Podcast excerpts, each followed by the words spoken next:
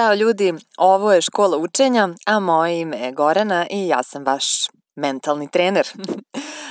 Bavimo se dakle učenjem učenja i vidjet ćete po putu, ako budete pratili ovaj, ovaj serijal i ovu emisiju, da ću vam spominjati često konkretne tehnike i metode kako pravilno učiti, aktivno učiti, kako bolje pamtiti, brže čitati i tako dalje. Ali pre nego što primenimo sve to i generalno, e, primjena svega toga, ako možda ste i na drugim mestima o tome čitali ili slušali, praktično vam neće pa ne mogu reći ništa značiti, ali sigurno vam neće značiti u toj meri koliko bi trebalo ako prethodno ne dovedete svoj um, svoj mozak i ceo svoj organizam zapravo u jedno određeno stanje.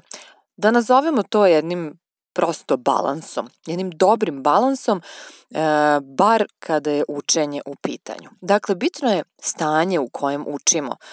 E, ne mislim samo na emocionalno i na to da li ste nešto nervozni i napeti, nego na kompletno stanje bića, dakle fizičko i umno i psihičko.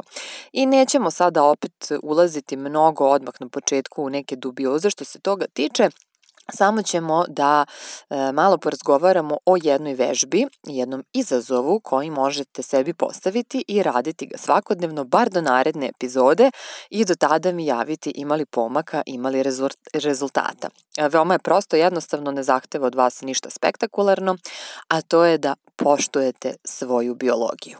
Ljudi, ja kada sam čula, mislim ja sam primenjivala ovo što ću vam reći od uvek, ali kada sam čula na jednom mestu koje uopšte nije imalo veze sa učenjem, poštovanje sobstvene biologije, onda mi je sinulo da je to to i onda mi je sinulo koliko je to zaista važno.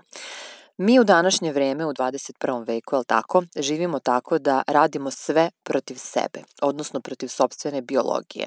Šta to znači? Naš ceo organizam, naše telo, naše biće je napravljeno da jede određenu hranu, da spava u određeno vreme, da funkcioniše na određeni način. Jeste naše telo jedna izuzetna mašinerija i ceo organizam može da se prilagodi prilagodi neverovatnim uslovima, ali to ne znači da ono uživa u tim uslovima i kada se ono prilagođava, ono troši energiju. E, mi zahtevamo od njega da se ono menja i da radi protiv sebe. To je kada jedemo lošu hranu, kada imamo loše navike za spavanje i tako dalje. Ja verujem da vi to sve već znate, ali važno je da vas neko na to podsjeti, naročito sami sebe na to da podsjećate stalno i uvek i da nešto uradite po tom pitanju. Ako vam je ritam života takav da ste zaista dosta rasojeni, rastrojeni, da vam je teško da sada nešto radikalno menjate ishranu i neke druge navike, pokušajte ovu jednu stvar. Pokušajte da učite čim ujutru ustanete. Znači, ne morate da se budite u pet, kao Robin Sharma, koji je izuzetno popularan u današnje vreme, mislim ovih dana, ali tako i nedelja, Te ako ne verujete meni, eto verujte njemu i on čovek kaže da treba poraniti, ali e, neću vas, e, neću vam sugerirati da odmah radikalno menjate e, svoj neki ritam. Ako niste jutarnji tip, budite se u podne, da vam govorim budite se u sedam. Naravno da nećete funkcionisati kako treba, bar ne na početku to se može promeniti i trebate i tu naviku promeniti, ali za to je zaista potrebno vreme. Ono zašto nije potrebno toliko mnogo vremena jeste da se vidi rezultat jutarnjeg učenja. Kad kažem jutro, dakle, ponavljam, mislim na jutro kakvo god jutro vama bilo. Da li je to 5, da li je to 7, da li je to podne, sve jedno. Dakle, moment kada se budite i kuvate jutarnje kafu, ukoliko je kuvate ili već kakav ritual imate, tada uzmite knjigu. Neki ispit koji vam je sada aktuelan, neko gradivo koje trenutno e, se bavite njime i trebate da ga savladate, jednostavno samo ga čitajte. Ili ako imate previše presije za neki ispit e, i morate baš jako, jako brzo da ga završite, naučite i nemate vremena sad za eksperiment, onda uzmite neki drugi ispit, neki sledeći na redu koji je i njemu se posvetite, dakle, tih nekih pola sata, može i sat ako baš želite, e, odmah ujutru kad ustanete. Dakle, ustanete, umijete se, popijete malo vode, skuvate kaficu i čitate. Čitate, dakle, umesto da scrollate Facebook, umesto da čitate novine, čak što je zdravija navika od ovih tehnologijskih uređaja, A vi uzmite knjigu, vaš učbenik ili kakvo god već štivo imate, ukoliko je ono na računaru, ja vam preporučujem da ga ištampate, makar za korist i, i, i potrebe ove vežbe, da ga ištampate, da ga imate u štampanoj formi, da ga imate u rukama, da ne buljite u ekran e, ili display odmah čim ustanete, nego da pijete kaficu, čaj ili grickate neku voćku ili doručkujete šta već ujutru prvo radite, uz tu knjigu, uz te papire, uz to štivo. Dakle, potpuno rastere rasterećeno, lagano i e, iako vam će vam se činiti, naročito oni koji se malo teže bude i rasanjuju, da vi ne znate ni gde ste, ni kako se zovete i da apsolutno nema smisla to što radite, verujte svom mozgu, verujte svojoj biologiji. Ne radite protiv nje, pustite da ona radi za vas. Razumete? To je poenta cele ove priče.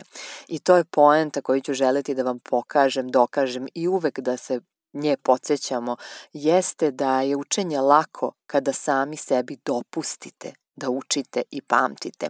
Svi imamo bezgranični kapacitet i mogućnost za učenje, potrebno je samo da otključamo ta neka tajna vrata, ima ih mnogo u našem organizmu, u našem umu i da pustimo jednostavno to znanje da uđe u naš mozak, u nas same.